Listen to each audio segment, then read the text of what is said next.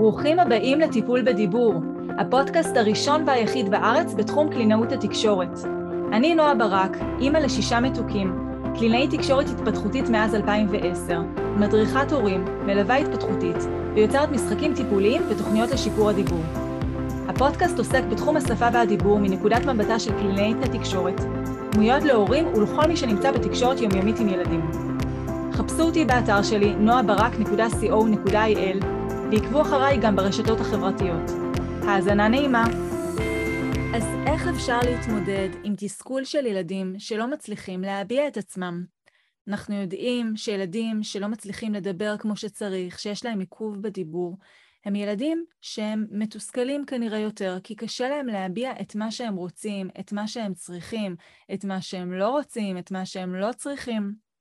הבעיה של תסכול היא בבסיסה הבעיה של מצוקה.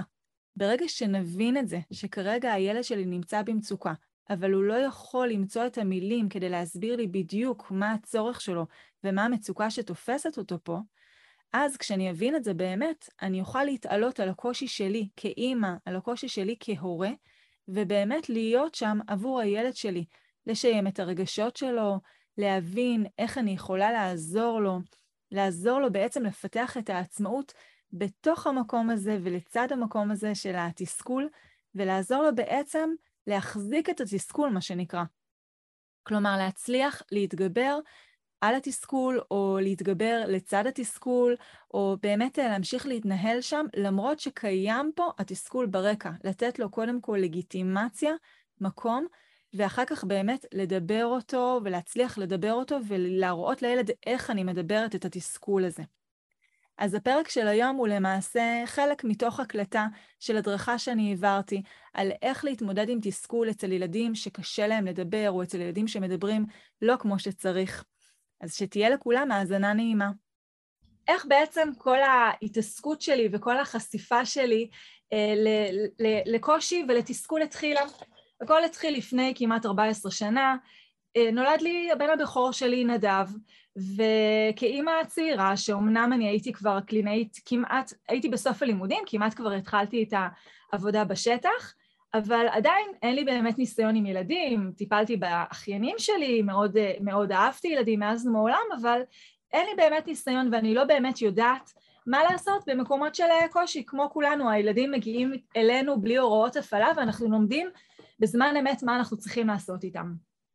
ומה שקרה זה שנדב המתוק היה בערך בן שנה וחצי, הייתה איזושהי סיטואציה שהוא היה בן שנה וחצי, הוא היה פעוט, הוא עוד לא ממש דיבר, הוא כן אה, דיבר במילים, אבל עדיין לא כמובן במשפטים אה, ארוכים, כי הוא היה מאוד מאוד צעיר. ואנחנו, אני אה, נסעתי איתו באוטו, זה היה כביש מהיר, אני ישבתי מקדימה, הוא ישב במושב האחורי, נסענו לבד שנינו, ופתאום נפל לו המוצץ, וכשנפל לו המוצץ, הוא התחיל לבכות, מצופה.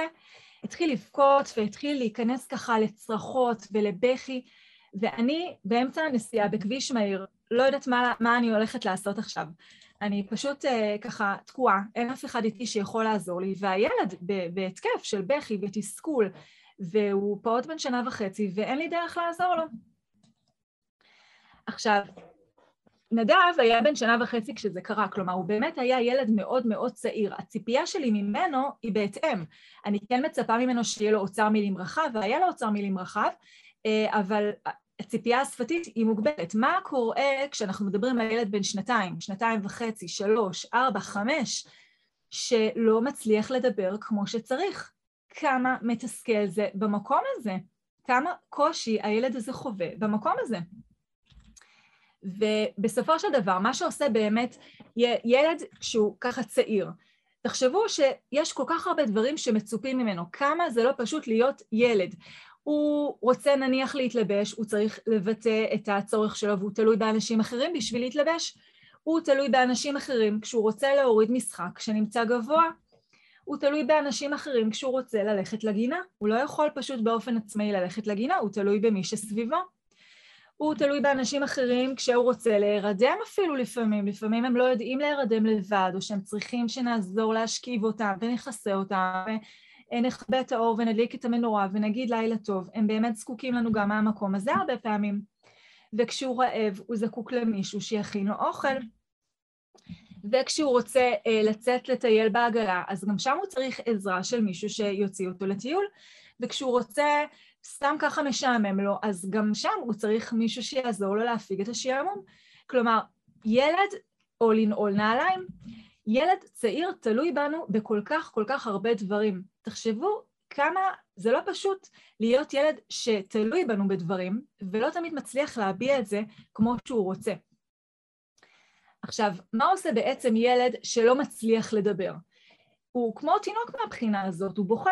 הרי הדרך הראשונית שלנו ליצור תקשורת עם הסביבה כשאנחנו נולדים, כשהילדים שלנו נולדים, זה לבכות. הבכי שלהם, שלהם מפעיל אותנו, הוא גורם לנו להבין שיש פה איזשהו צורך, איזושהי אה, הזדקקות למשהו, ואז אנחנו ניגשים לתת להם מענה. ונוצר פה אה, איזשהו הרגל, מתקבעת בעצם איזושהי התנהגות, שכשיש לי צורך, אני בוכה, ואז הצורך הזה נהנה, מקבל מענה. זה אומנם פיזיולוגי בהתחלה, אבל ככל שהילד גדל והקוגניציה שלו מתפתחת והוא מבין את התוצאות ואת ההשלכות של המעשים שלו, אז קורה שגם לאורך זמן ילדים מתרגלים שאם הם מקבלים מענה באמצעות הבכי שלהם, במיוחד אם הם לא יודעים לדבר במילים, במיוחד אם הם לא יכולים להגיד במילים ברורות מה הם רוצים, אז הם בוכים, ואז הם בעצם מקבלים את המענה שהם רוצים.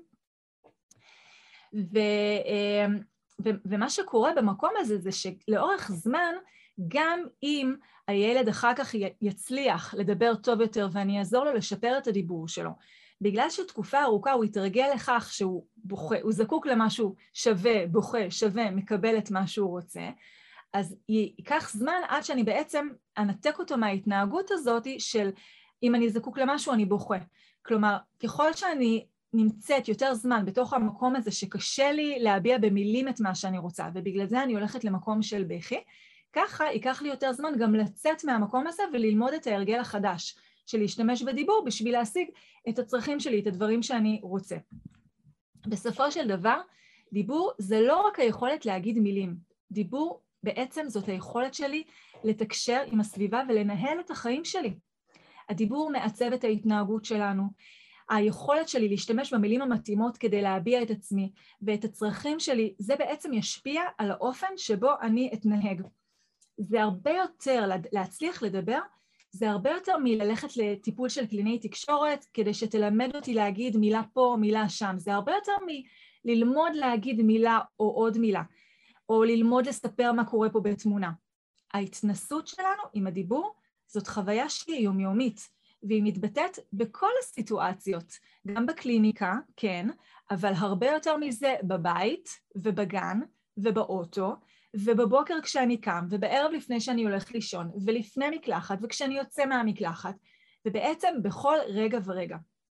וזאת הסיבה שדיבור חייב להירכש בזמן אמת בחיים עצמם, והוא אף פעם לא יכול להישאר במקום הפעם בשבוע הסטרילי, הטיפולי הזה, המאוד מאוד ממוקד.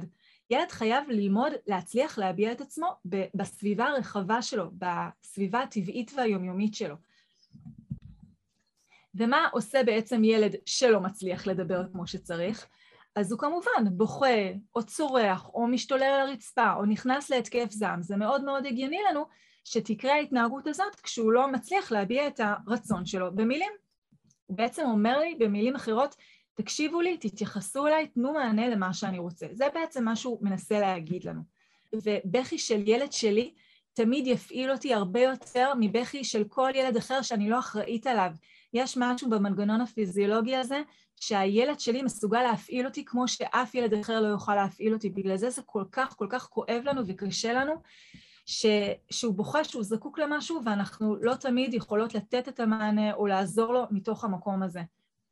או איך המנגנון הפיזיולוגי עובד כשמדובר בילד שהוא לא שלי, זה כן, תמיד זה מפעיל אותי, אבל זה מפעיל אותי מתוך מקום אחר, מתוך מקום רציונלי יותר. כלומר, כש, כשמישהו אחר בוכה, אני מבינה, יש לי, אני חשה כלפיו אמפתיה, אני מבינה קוגניטיבית שיש פה איזשהו צורך שאני צריכה לתת לו מענה, אבל כשזה ילד שלי, גם התגובה הרגשית היא הרבה הרבה יותר עמוקה. מעבר לקוגניטיבי, מעבר לאמפתיה, יש פה תגובה רגשית מאוד מאוד חזקה, שרק ילד שלי בעצם יכול אה, להפעיל אותה בעוצמה כזאת. תראי, יש דבר שנורא נורא חשוב שנזכור. אני לא יכולה ללכת לישון במקומם, אני לא יכולה לאכול במקומם, אני לא יכולה, אה, אם הילד שלי סרבן אכילה, אני לא יכולה לאכול במקומו.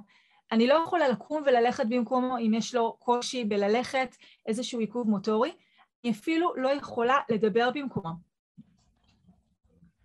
אבל מה כן אני יכולה? אני תמיד יכולה לשנות רק את ההתנהגות של עצמי, שלי, כאימא. ובסופו של דבר, מה שאני אעשה כאימא, ישפיע בחזרה על ההתנהגות שלו. איך שאני אפעל, האופן שבו אני אבחר להתנהל בסיטואציה, זה מה שישפיע על ההתנהגות שלו, וזה מה שאנחנו נראה, איך אנחנו בעצם הולכות לעשות את זה טוב יותר. בעצם, כשאנחנו מתקשרים עם הילד שלנו, יש כמו חילופי פינג פונג בינינו. אני עושה איזושהי פעולה והילד מחזיר לי בהתאם לפעולה שעשיתי ואני פועלת, מגיבה לו בחזרה בהתאם לאיך שהוא הגיב לי והוא מגיב בחזרה בהתאם לאיך שאני הגבתי. זה כמו משחק פינג פונג או משחק טניס כזה.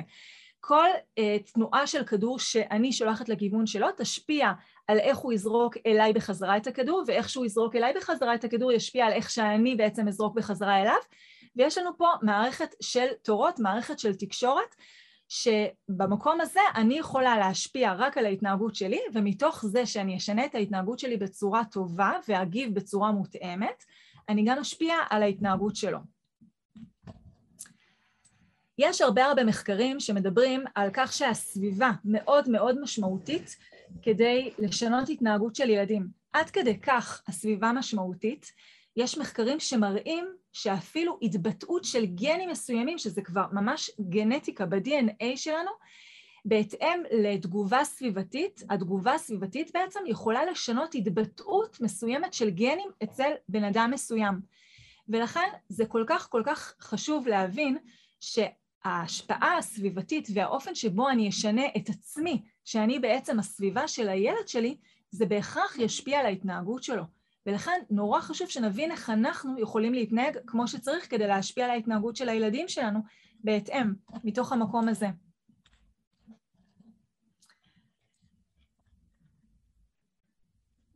רגע. אז בעצם כשילד שלי בוכה, אני רוצה קודם כל להבין למה הוא בוכה, להבין מה הצורך הזה שלו כרגע, שבגללו הוא בוכה, ואז אני רוצה גם לדעת איך להגיב באופן כזה שלא יחזק את הבכי שלו, אלא בעצם יצמצם את הסיטואציה הזאת של הבכי, כי אנחנו לא רוצות שהוא יהיה בתוך מקום לאורך זמן של תסכול ושל בכי, נכון? אז אלה בעצם שתי המטרות העיקריות שלנו במצב כזה שהילד נמצא מתוך סיטואציה של בכי. אז למה הוא בוכה? בואו נתחיל מזה. אני צריכה, כשהילד שלי בוכה, קודם כל להבין האם יש איזושהי סכנה מיידית באזור שלו. כמובן שאם יש סכנה מיידית, חלילה כואב לו מאוד משהו, משהו מאיים עליו, אה, הוא נפל, הוא קיבל איזושהי מכה, הוא נמצא בתוך איזושהי מצוקה, כמובן אני חייבת להגיב בהתאם. אם יש משהו שמפריע לו, אני צריכה כמובן להגיב באופן מיידי למה שמפריע לו. אני יכולה להסתכל לאיזה כיוון הוא מצביע, כדי לנסות להבין למה בעצם הוא בוכה. אני רוצה בסופו של דבר להבין מה זה הגורם הזה של הבכי, כדי שאני אוכל להתייחס אליו בהתאם. אז אני יכולה לראות לאן הילד שלי מצביע. אני יכולה גם לנסות להבין מההקשר, מהסיטואציה, מהשיחה בינינו, מהפעילות שקורית פה כרגע, למה בעצם הוא בוכה. ואולי הבכי שלו נובע מאיזשהו חוסר בסיסי, איזשהו משהו מאוד מאוד בסיסי שחסר לו, כמו רעב או צמא, או עייפות מאוד מאוד גדולה, או קור או חום, ובגלל זה הילד בוכה כרגע. או שהבכי נובע מקושי רגשי, הוא מנסה לעשות איזשהו משהו והוא נורא מתוסכל שהוא לא מצליח לעשות את זה, או שהוא אה, אה, רוצה להגיע לאיזשהו מקום והוא לא מצליח. אז נכון, אתן כותבות לי שלא תמיד הם מצביעים, זה נכון. בגלל זה יש פה הרבה דברים מסביב שאנחנו יכולות קודם כל לנסות להיעזר בהם כדבר ראשוני, כתגובה ראשונית, כדי להבין קודם כל למה הילד שלי בכלל בוכה. מה, מה, מה קורה שם? למה הוא בכלל בוכה מלכתחילה? או שאולי זה הרגל שהתקבע, אולי נוצר אצלו הרגל שכל פעם שהוא זקוק למשהו, שחסר לו משהו, שווה בכי, ונוצר אצלו הרגל הזה שאני רוצה לאט לאט לעזור לו להתנתק ממנו, כדי שהוא לא יבכה בעצם. עכשיו, אם שללתי כדבר ראשוני את זה שהוא לא מצוי בסכנה מיידית ואין איזה משהו שמאוד מאוד מפריע לו כרגע, אז אני מנסה בעצם להיעזר בהקשר של הדברים האחרים ולנס... ואני מבינה שכן, אני חייבת לתת לו מענה, כי יש משהו שמפריע לו, הוא לא סתם בוכה. אבל זה לא משהו שהוא מאיים חלילה על חייו או על הבריאות המיידית שלו, או אין פה איזה משהו שהוא ככה SOS. לצורך הדוגמה, כשנדב שלי בכה, כשהוא היה בן שנה וחצי והוא ישב מאחורה באוטו, ידעתי שהוא בוכה לא כי יש משהו חלילה שעכשיו אה, באמת מציב אותו במעין סכנה מיידית, וידעתי שהפוך, אם אני אסתובב אליו עכשיו לתת לו את המוצץ, או יעצור בצד הכביש בצורה לא בטוחה, אז אני כן אעמיד את עצמנו במצב של סכנה מיידית. ידעתי שבוודאי לא נוח לו, ובוודאי אה, יש לו איזשהו צורך במשהו שמרגיע אותו שהיה לו לפני רגע. כן, אני לא, אני לא מפחיתה בעוצמת הקושי שלו, אבל אני כן צריכה להבין קודם כל האם זה משהו שהוא ממש מאיים עליו, מסוכן לו ברמה המיידית, או שזה משהו שאני יכולה רגע לחשוב ולהקדיש לזה רגע מחשבה ולהבין איך אני מגיבה פה בצורה הכי הכי נכונה והכי מקדמת אותו. אז מה שאנחנו עושות, בהנחה ושללנו, כמו שאמרתי, את זה שלא מדובר בסכנה מיידית ואין פה איזשהו משהו שהוא מפריע, קודם כל, בראש שלי, מהמקום שלי, הדבר הכי הכי חשוב וראשוני לעשות זה לא להיכנס ללחץ. כי הלחץ שלי מקרין גם עליהם. אני יודעת שזה לא פשוט, אני יודעת שזה משהו שהוא מצריך אימון, אני יודעת שזה משהו שכשאנחנו בעצמנו עייפות או לחוצות, אז יהיה לנו יותר קשה להיות במקום הזה, אבל קודם כל אנחנו צריכות להבין בראש שלנו, הוא לא מצוי כרגע בסכנה מיידית, אז רגע, אני לא נכנסת ללחץ, אני נושמת, הוא צורח, הוא בוכה, הוא משתולל, אני מבינה שאין משהו מיידי שמפריע לו, ואני מנסה רגע להתאפס על עצמי, להיכנס לשליטה, ולהקרין לילד שלי כמה שיותר ביטחון. זה נורא נורא חשוב, כי כמו שאמרנו, התגובה שלנו תשפיע בעצם באופן מיידי על התגובה שלהם. ברגע שאני אנסה לתפעל את הסיטואציה מתוך כמה שיותר מקום של רוגע, ולא מתוך מקום של לחץ, ולא מתוך להתחיל לצעוק בעצמי, או לכעוס בעצמי, או, או אה, להתעצבן בעצמי, זה ישפיע גם על המשך ההתנהגות שלו. אז זה קודם כל תהליך שאני צריכה לעשות עם עצמי בראש שלי, ואז בפה, מה שאני אומרת בפועל, כדי להרגיע גם אותי וגם אותו, אני משדרת לו שהכל תחת שליטה, הכל בסדר. אני רואה אותך, אני שומעת אותך, אני מנסה לעזור לך.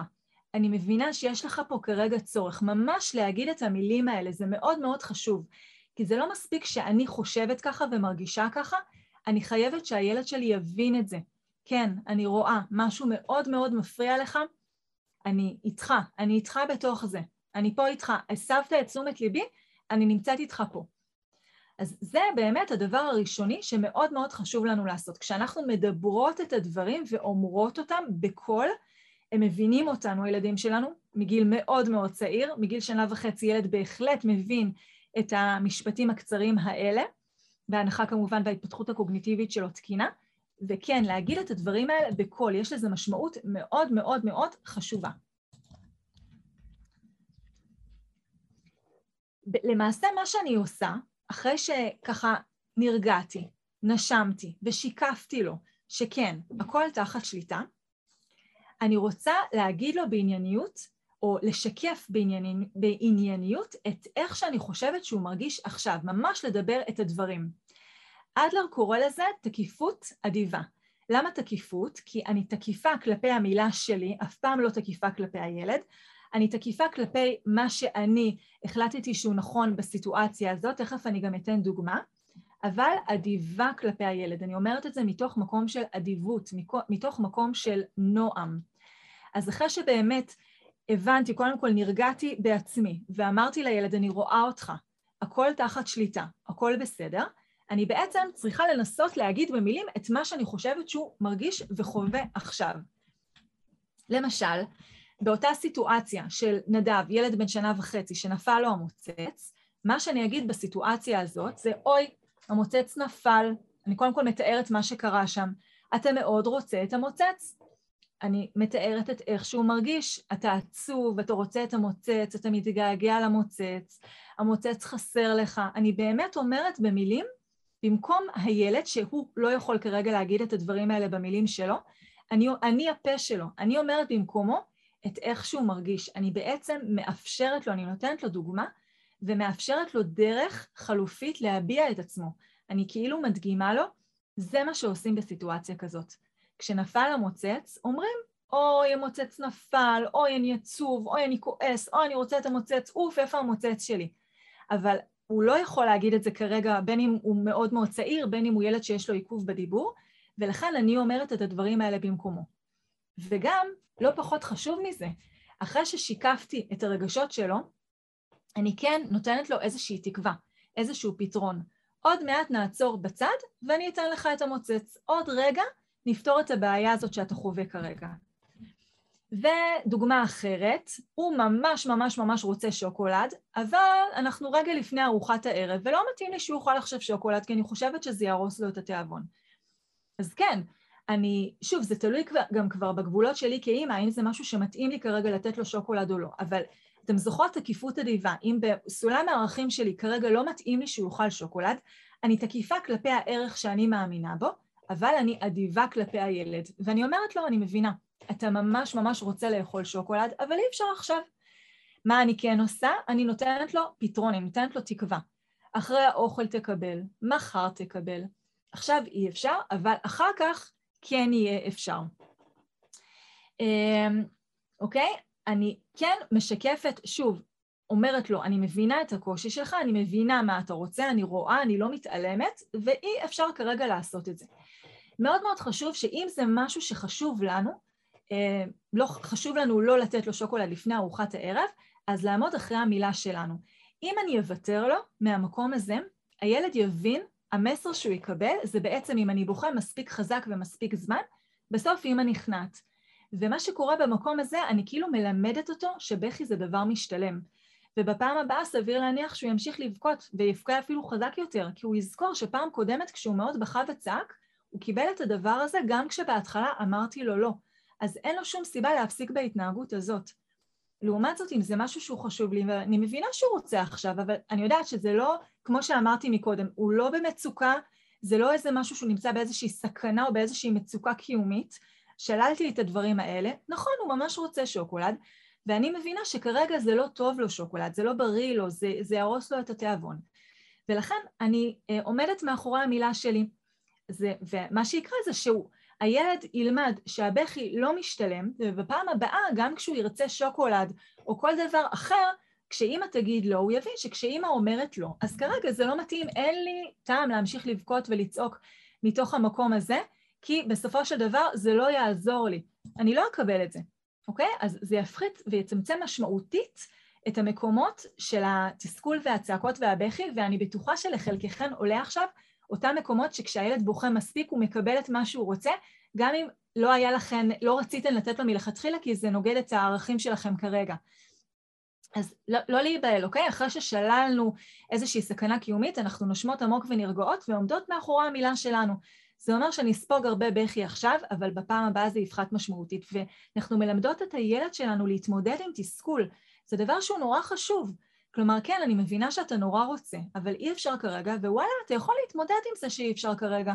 אני בעצם מקרינה לו שאני סומכת עליו שהוא מסוגל לקבל גם את הלא, ולהכיל גם את הלא. זאת נקודה מאוד מאוד חשובה להצלחה בחיים ולהתבגרות ולעצמאות ולהתמודדות עם אתגרים בחיים. נקודה נוספת שחשוב לי לציין אותה, תבחרו את המריבות שלכם. ופה אני רוצה בעצם להציג אה, את שיטת הרמזור. שיטת הרמזור אומרת דבר כזה, לכולנו, כהורים, כאימהות, בסולם הערכים שלנו, יש מה שנקרא אורות אדומים. אורות אדומים אלה דברים שאנחנו לא מתפשרות עליהם בשום פנים ואופן. אם אני חוצה עם הילד שלי את הכביש והוא צורח ולא רוצה להחזיק לי יד, אין שום סיכוי בעולם שאני אשחרר את היד שלו בגלל שהוא בוכה עכשיו, נכון? זה מבחינתי אור אדום. זה משהו שאני לא מוותרת עליו בשום פנים ואופן. אם אני אה, אה, צריכה לחגור אותו עכשיו באוטו והוא צורח ומשתולל שהוא לא רוצה, אני מבינה שלא לחגור אותו, זה, זה, אני בעצם מציבה אותו בפני מצב של סכנה, ולכן אני לא מוותרת לו גם במקום הזה. כלומר, יש לי כאימא את האורות שהם ברורים לי שהם אדומים. אם הוא צריך עכשיו לקבל איזושהי תרופה, איזשהו חיסון, אני לא נכנסת לקורונה, כן? אבל אם יש פה איזשהו טיפול רפואי שהוא זקוק לו, אני אעשה את מה שצריך כדי שהוא יקבל את הטיפול הרפואי הזה. זה האורות האדומים מבחינתנו. יש לנו גם, כאימהות, אורות ירוקים.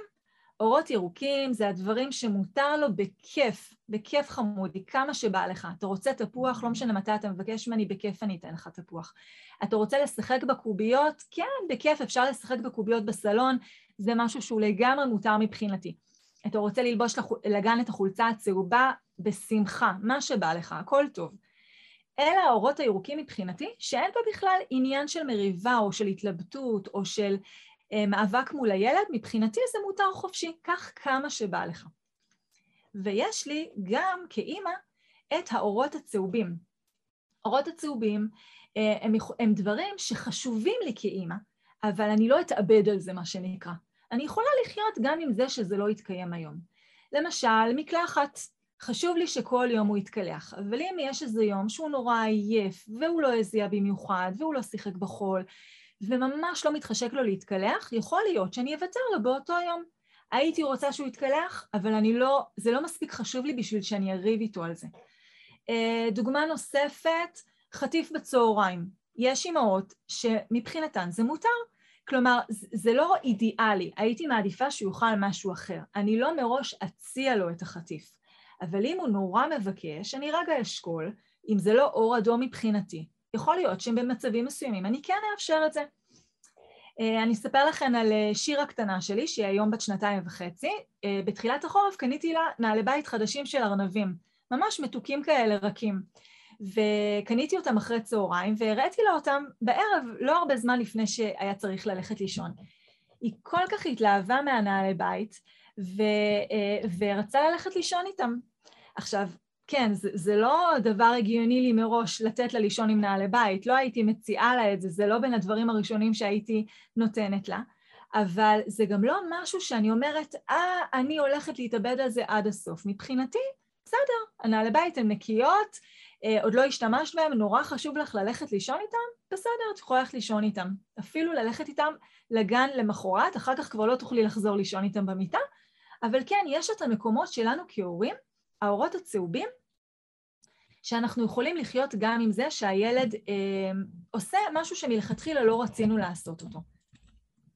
בואי תכתבי לי עכשיו נקודה אחת שנמצאת אצלך באור אדום, משהו אחד שהוא אור אדום שאין שום סיכוי בעולם שאת תוותרי עליו ולא משנה כמה הילד יצעק ויבכה, זה מספיק חשוב לך שאת לא הולכת לוותר על הדבר הזה, גם במחיר של בכי וצעקות של הילד.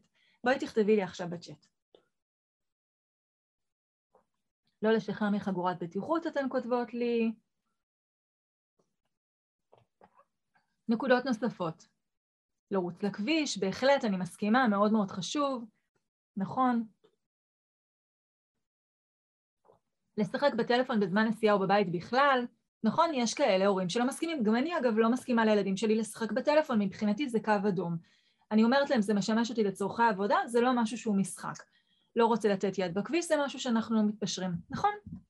אלה נקודות שלנו כהורים, שאנחנו יודעות שאנחנו לא מתפשרות עליהן. מה נמצא אצלך באור צהוב? דברים שהם חשובים לך, אבל וואלה, אם הילד רוצה מאוד, אז אני מוכנה לוותר, לא כי הוא הכניע אותי, לא כי זה היה אור אדום והוא הכניע. מראש אני לא אתווכח איתו כל כך על המקום הזה. בואי תכתבי לי מה זה האורות הצהובים. בינתיים אני עונה לגבי אמ, השאלה עם הנעלי בית, אם היא לא תרצה אותם גם מחר בערב, שהן יהיו מלוכלכות, ואז כבר לפלו, ניכנס לפלונטר. נכון. אור צהוב, זה אומר שאני לא, לא, אני לא מסכימה עכשיו באופן גורף לכל פעם שתרצה משהו שהוא לא העדיפות הראשונה מבחינתי. וכשאני משחררת אור הצהוב, מאוד חשוב שאני אגיד, בעיקרון לא ישנים עם נעלי בית, אבל היום אני מרשה. וברגע שיהיה לנו מספיק מקומות שהאורות האדומים שלנו יהיו ברורים, שלא משנה כמה הילד נאבק, הוא מבין שכשלא זה לא, והאורות הירוקים יהיו ברורים, והוא יבין שיש דברים שאימא בכיף נותנת, אז כשנגיע לאורות הצהובים, אנחנו, שוב, אני לא אצטרך להיכנס איתו למקום של הרבה בכי ותסכול שהוא כאילו הכניע אותי. אני מבינה, ממש מנהלת איתו מעין שיח ו- ו- או תקשורת, ומבינה, זה חשוב, לא? אני מסכימה. זה לא אומר שתמיד אני אסכים, זה אומר שעכשיו אני מסכימה. הם לומדים את זה, הם לומדים לזהות את המקומות האלה. אה, חטיף אוכל שהוא לא אוהב, מוריד נעליים, לאכול חטיף, אלה אורות צהובים, לא לקנות לו שוקו או ממתקים במכולת, שוקולד שאוהב נותנת לו. לדוגמה, אם הוא בחר מעדן, פתחתי, אבל אז הוא בוחר מתעקש על מעדן אחר, אור צהוב, ונפתח לו את החדש ואני אשמור את השני למחרת. מעולה. זה מאוד מאוד חשוב שנדע כאימהות לזהות את האורות האלה בנו. זה כל אחת באמת לפי סולם הערכים שלה והעקרונות שחשובים לה, אנחנו לא נכנסות לזה. אבל כן, להבין ולזהות, זה אור צהוב מבחינתי. זה לא אור אדום שהוא הכניע אותי, מלכתחילה זה משהו שאני לא אריב איתו עליו הרבה. כי מבחינתי, כן, זה לא משהו שהוא כל כך קריטי לי, מה שנקרא, לבחור את המריבות שלי. ומה נמצא אצלכם באור הירוק, שזה משהו שהוא חופשי, הוא יכול לעשות, בכלל לא מתחילים ממקום שלו, אלא ממקום של כן, בטח, זה משהו שהוא פתוח לחלוטין. בואו תנו לי דוגמאות לאור ירוק אצלכם. אני יכולה להגיד שאצלנו למשל זה לצחצח לבד שיניים כשהם ממש ממש קטנטנים, אני לא רבה איתם, באמת, רוצים לצחצח לבד, בכיף צחצחו לבד. גם ככה הצחצוח הוא ככה בגילאים הקטנטנים, העיקר שנכנסת שם מברשת לפה ומשחה ברמה מסוימת, אני לא מאוד אריב איתו על זה, לבחור באיזה צלחת לאכול את ארוחת הערב, בכיף אתה יכול לבחור מבין מה שאני מציעה, ממש בשמחה, לשחק ולהשתולל בטח, זה משהו שלא רק שהוא ירוק, אנחנו מעודדות ושמחות בו. לוקח לעצמו חטיף, לאכול לבד, גם אם הכל מתלכלך, נהדר, אה, לאכול עם הידיים, מצוין, כן? לבחור בגדים ונעליים, מעולה, יופי, זה אורות שאנחנו מאפשרים, אורות ירוקים מבחינתנו, בכיף הילד יכול, יכול לעשות אותם באופן חופשי. חלוקה בריאה היא חלוקה כזאת שהאור האדום הוא תופס בה את הנתח המינימלי. יש מעט מאוד דברים שנכנסים באורות אדומים שהם לא מוחלט, ויתר הדברים מתחלקים בין הירוק לצהוב. וככה בעצם אנחנו מצמצמות משמעותית את האינטראקציות של כוחניות עם הילד. אין הרבה מקומות של כוחניות. כי הילד מבין שכשאימא אומרת לא זה לא, והלא שלא, הלא שהוא לא הוא באורות האדומים, והוא מבין שאם אימא מתעקשת פה כנראה זה חשוב, אין לו מה להמשיך לריב איתה על זה. אבל לעומת זאת אורות צהובים, שאימא בהתחלה אומרת לא, אבל מהר מאוד מסכימה כי היא רואה שזה חשוב לו, לא? או אורות ירוקים שהיא לגמרי מראש מסכימה, ככל שיש יותר מקומות כאלה, אנחנו מפתחים תקשורת יותר בריאה עם הילדים, תקשורת שיותר זורמת, והילד מבין מתוך המקום הזה, בגלל שאימא אומרת מספיק פעמים גם כן, הוא מבין שכשהיא אומרת לא, אז לא, זה לא, אין פה מקום להמשיך לריב ו- ולהתווכח ולנסות להכניע כל הזמן על המקום הזה. ונקודה נוספת ומאוד מאוד חשובה, אני רוצה לאפשר לילד שלי בחירה. בכל דבר שרק אפשר, בכל מקום שרק אפשר. במיוחד בחירה במקומות של האורות האדומים. כלומר, גם כשיש משהו שהוא אור אדום, אני לא הולכת לוותר עליו. לחגור חגורה באוטו, אנחנו נחגור גם אם תצעק, אבל אני כן אנסה להכניס פה בחירה איך שאפשר. אתה רוצה שנחגור לאט, לאט, לאט, לאט, לאט, לאט, או מהר נחגור? אתה רוצה אתה לעשות את הקליק, או שאני עושה את הקליק? אמ, לחצות את הכביש, לתת לי יד. אתה רוצה לתת לי יד מהצד הזה, או לתת לי יד מהצד הזה? מאיזה, מאיזה צד אתה נותן לי יד? בעצם, כשאני נתקלת באור אדום, שזאת סיטואציה לא פשוטה מבחינת הילד, שאימא אומרת לא זה לא, אבל כשאני מכניסה לו שם בחירה בתוך הלא הזה, מה כן אפשר לעשות מתוך המקום הזה של הבחירה, אני בעצם מראה לו, הדעה שלך נחשבת, אני לא מתעלמת מה, מהדעה שלך. אני מחזירה לו איזושהי רמה של שליטה בסיטואציה, רמה של שליטה בחיים שלו. כי בעצם אור אדום זה אומר שאני שולטת כרגע על איזשהו אספקט בחיים שלך. אבל אם אני נותנת לך בחירה, אני מחזירה לך, לך פה רמה מסוימת של שליטה. אני מראה לו, אתה בעל משמעות מבחינתי. אני אומרת לו, אתה יכול להחליט עבור עצמך ברמה מסוימת, מתוך המקום האדום הזה, יש גם פה דברים שאתה יכול להחליט עבור עצמך. ואתם תראו שכשאחרי שצמצמנו את האורות האדומים באמת לדברים שאנחנו מבינות שהם מאוד קריטיים לנו, אם שם, בתוך האור האדום אנחנו נכניס את הבחירה, הילד תהיה לו הקלה משמעותית, ובאמת הוא יצליח להבין טוב יותר ולהכיל טוב יותר את האור האדום הזה, כי גם באור האדום תהיה לו פה איזושהי בחירה. אז זאת נקודה מאוד מאוד מאוד משמעותית לזכור אותה כשאנחנו בעצם ככה נכנסות אה, למקום של כוח או למקום של אור אדום עם הילד, אוקיי? אז אה, ככה הצגתי פה דוגמה לאיזה בחירה אפשר להציג כשאנחנו אה, חוגרים את הילד באוטו עם חגורת בטיחות. יש למישהי רעיון נוסף לבחירה שאני יכולה להציג פה בזמן שאני חוגרת את הילד בחגורת בטיחות? יש לכם רעיון נוסף שאפשר ככה להציג לילד איזה בחירה אני יכולה לתת לו? כלומר, לחגור זה לחגור, אבל איזה מקום של בחירה נוסף אני יכולה לתת בתוך המקום הזה? אם יש לכם רעיון, אז נשמח לשמוע אותו כולנו. מהמם לטפס לבד או שאנחנו נרים אותו. נכון, מקסים. אפשר להציע לדובי לשבת לידינו בזמן שחוגרים חגורה. מקסים, מצוין, להחזיק בובה, לטפס לבד. יופי, נהדר, נכון.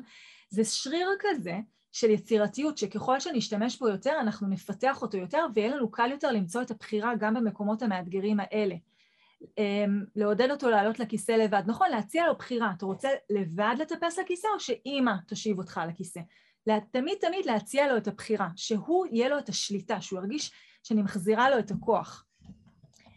ואיזה מקום של בחירה אני יכולה להציע לו מתוך הנקודה הזאת. בעצם לצחצח שיניים זה לא אה, אופציה, כלומר זה לא, זה לא הצעה, זה אור אדום, אתה חייב לצחצח שיניים נניח לפני שאתה הולך לישון, אבל איזה בחירה אני יכולה להכניס לו בתוך המקום הזה של הצחצוח שיניים? בואו תנו לי ככה רעיונות מה אפשר לעשות מתוך המקום הזה. אם החלטתי שצחצוח שיניים זה אור אדום מבחינתי וחייבים לצחצח שיניים כל ערב, מה בכל זאת, איזה בחירה אני יכולה להציע? מעולה. אז אפשר באמת להציע לו, אם יש כמה משחות שיניים, באיזה משחה אה, להשתמש. אה, אם יש כמה מברשות אותו דבר, באיזה מברשת. אתה רוצה לטפס על שרפרף או לעמוד אה, ליד הכיור? אתה רוצה לבד או שאני אעזור לך? אתה רוצה להיות ראשון או שאמא תצחצח לך ראשונה? אה, מקסים, נכון, מעולה, נקודות מעולות מעולות מה שאתן מציעות. כמה מברשות שיש לו ושהוא בוחר, נכון, לגמרי, מצוין, ממש ממש חשוב. העיקר לזכור שאני מציעה לו פה בחירה. זה אור אדום, במקום להישאר במקום של המריבה כן לצחצח או לא לצחצח, לצ... כן מצחצחים, זאת העובדה שאני קובעת, ועכשיו בואו נדבר על בחירה בתוך זה. עכשיו אפשר לבחור, אתה רוצה עם המברשת הצהובה או אדומה, זה לגמרי שלך. זאת בחירה, אני איתך במה שתבחר, אני מחזירה לו את השליטה ואת ה... השליטה על עצמו, על החיים שלו, את הבחירה על מה שחשוב בעצם בשבילו. אני מקווה שיצאתם מהפרק הזה עם כלים שבאמת יעזרו לכם ותוכלו לממש אותם באופן מיידי כדי להתמודד בפעם הבאה עם התסכול שיופיע מול הילדים כשהם נתקעים, כשהם לא מצליחים להסביר את עצמם כמו שצריך, כשהם לא מצליחים לדבר את הרצונות והצרכים שלהם. ואנחנו נתראה בפרק הבא.